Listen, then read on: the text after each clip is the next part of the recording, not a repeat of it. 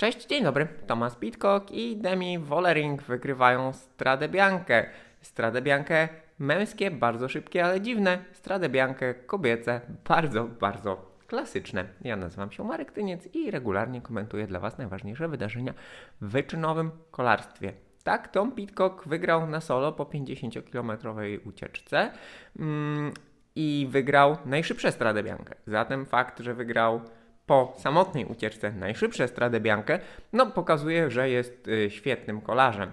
Natomiast to był wyścig y, trochę dziwny, rozgrywany w taki no, nietypowy, trudny do zrozumienia sposób.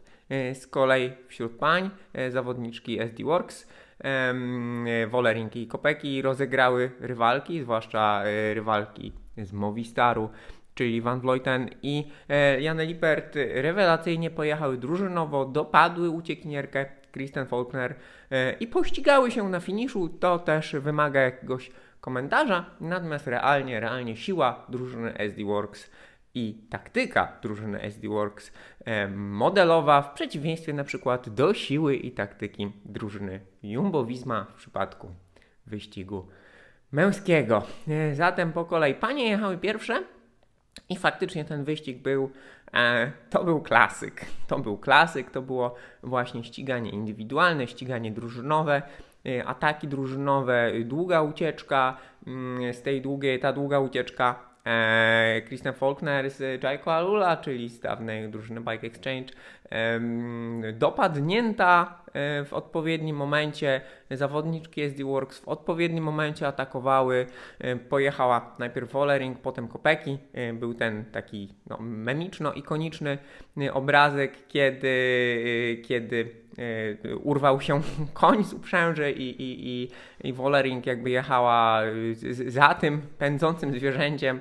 Natomiast w końcówce kiedy dołączyła do niej Kopeki, kiedy jechały w trójkę z Faulkner, rozegrały to na podjeździe y, na Piazza del Campo, na ten, ten finałowy podjazd y, po y, płytach przed wjazdem na słynny rynek w Sienie, no już umęczoną Faulkner zerwały z koła, myślę Faulkner kiwnęła trochę rowerem, zajechała mm, nieco drogę, to nie miało wpływu, natomiast ciekawe jest to, że zawodniczki no, nie wjechały, zawodniczki jednej drużyny, zawodniczki Easy Works nie wjechały na metę trzymając się za ręce, jak to się zdarza ale, ale dały popis, dały show, pościgały się. Zobaczymy, czy będą, będzie z tego jakiś kwas, czy po prostu, bo wyglądały na zadowolone. Czy, e, czy po prostu stwierdziły, że no okej, okay, zrobiłyśmy co miałyśmy zrobić. Niech lepsza wygra. E, wygra Wollering. E, fajnie, naprawdę świetne ściganie, ekscytujące emocjonujące, no i też takie um, z jednej strony przewidywalne, no bo rozegrane właśnie siłą drużyn, e, natomiast z drugiej strony, e, z drugiej strony no, trzymające w napięciu do, do, do końca. Popis kolarstwa. Popis kolarstwa, no i tutaj myślę, że przytyczek w nos dla tych, którzy narzekają, że kobiece kolarstwo jest takie śmakie i owakie, że tutaj słaba taktyka, że słaba, słabe fizycznie i tak dalej, i tak dalej. Myślę, że tutaj tego ścigania, zarówno fizycznego, jak i taktycznego, takiego, no, tej soli kolarstwa mm, było dość. W przeciwieństwie do wyścigu męskiego, który rozegrał się dziwnie. To znaczy, ok, Pitcock, klasa, tak? Czapki z głów, tak jak powiedziałem na wstępie, to było najszybsze Stradę Biankę. E, no i wygrać najszybsze Stradę Biankę, najszybszy wyścig w historii, chociaż ta historia, trzeba o tym pamiętać, nie jest znów taka długa, kilkunastoletnia, ale wciąż mm, padł jakiś rekord i ten rekord padł po solowej ucieczce. E, no bo nawet jeśli Pitcock w pewnym momencie już łapał uciekinierów i jechał z nimi razem, to mm, no to, to on pracował. To on pracował, w związku z tym on jechał praktycznie solo. Może to by się inaczej rozegrało, mm, gdyby nie, nie Kraksa Betiola, e, ale tak czy inaczej, no Pitcock zrobił robotę solo. E, co więcej, uciekł na zjeździe.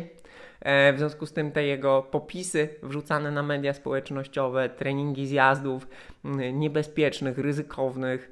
E, no, wiemy jak Pitcock zjeżdża, wiemy to po zeszłorocznym Tour de France, wiemy, że jest świetny technicznie, bo jest kolarzem przełajowym, bo jest kolarzem MTB. E, tutaj to potwierdził, potwierdził naprawdę to na szutrowym zjeździe, jeszcze wyprzedzał motocykl, to jest, to będzie jeden z obrazków sezonu zdecydowanie. Natomiast to, co działo się za nim, to jest przedziwne. Kolarze Jumbo-Visma byli mocni. Benot i Attila Walter no, byli w formie, natomiast w grupie pościgowej, która się tasowała, z niej były próby ataków, nie było współpracy. Rui Costa jechał bardzo mocny, jechał tak jakby no nie chciał być na podium niemalże, no i nie był ostatecznie. Fakt, że z grupy, w której, e, w której no mieli przewagę liczebną, przegrali, bo trzeba powiedzieć, że Valentin Maduas, grupa MFDJ pokonał kolarzy e, Jumbo Visma, których było dwóch właśnie, Beno, Walter. Madua ich pokonał wygrywając drugie miejsce z tej grupki, no to to jest wyraz, wyraz porażki grupy Jumbo Visma. Zdarza się i tak, natomiast wszyscy jechali dziwnie, tak? Dobrze jechali kolarze Emiratów, mimo że mm, Formolo miał, y, Formolo miał jakieś problemy, Velens miał problemy, no to jakby to myślę, że wychodzą, wychodzą z tego w porządku, patrząc na problemy, jakie, jakie mieli. Vanderpool y, próbował kontratakować, ale ewidentnie mu brakowało. Zatem, zatem 15 miejsce, chociaż tak jak wspomniałem w, w zapowiedzi sezonu dla Vanderpoola, myślę, że e, no on już tutaj zrobił, co miał zrobić, on będzie celował w monumenty. Zatem taki, taki dziwny wyścig, no kurczę, dziwny wyścig.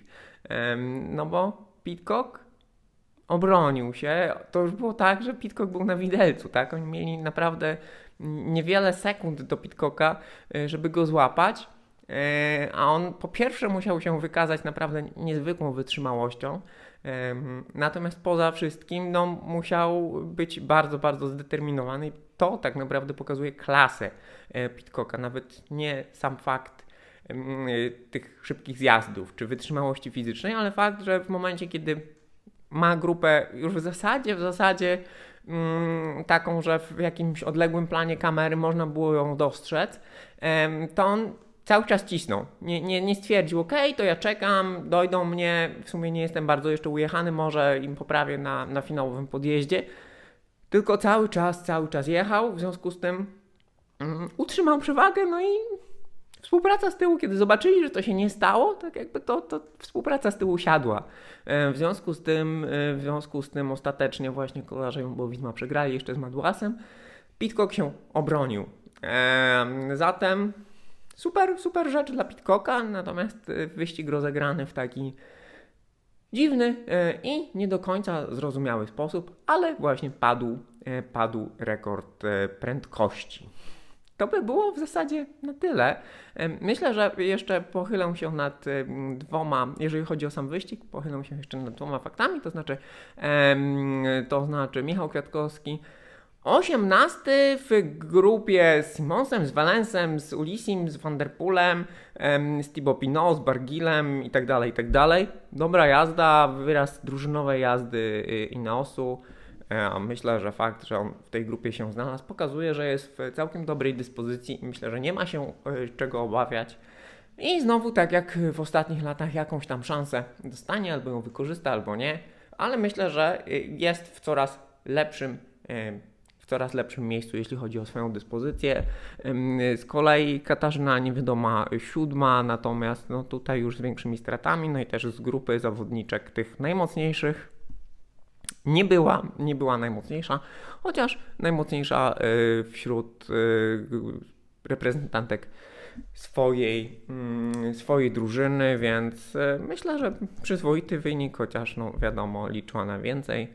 Marta Lach 50, ale no, swoim entuzjazmem co do tego wyścigu w mediach e, społecznościowych myślę, że skradła e, serca wielu kibiców.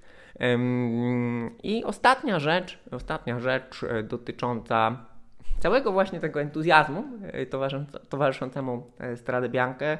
Oczywiście wszyscy mówią, że to może już jest szósty monument, że to jest ten bardzo, bardzo ważny wyścig. Oczywiście to jest bardzo ważny wyścig.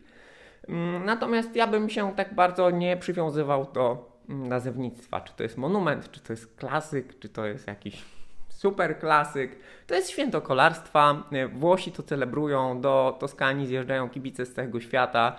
E, Myślę, że wystarczy, że będziemy się cieszyli tym wyścigiem, cieszyli się widokami pięknym Toskanii, wspaniałą rywalizacją, bo y, ta trasa no, sprzyja ofensywnej jeździe, sprzyja ciekawym rozwiązaniom, sprzyja temu, że to się po prostu znakomicie ogląda i nie ma co się przejmować tym, czy nazywamy to monumentem, klasykiem, czymkolwiek innym. Strady Bianche to Strady Bianche ma tak mocną markę, że jest już w tym momencie po tej zaledwie kilkunastoletniej historii, że jest y, no, początkiem wiosny, jednym z y, najważniejszych punktów kolarskiej wiosny. Przyćmiewa inne wyścigi, a nazywajmy sobie to jak To by było na tyle.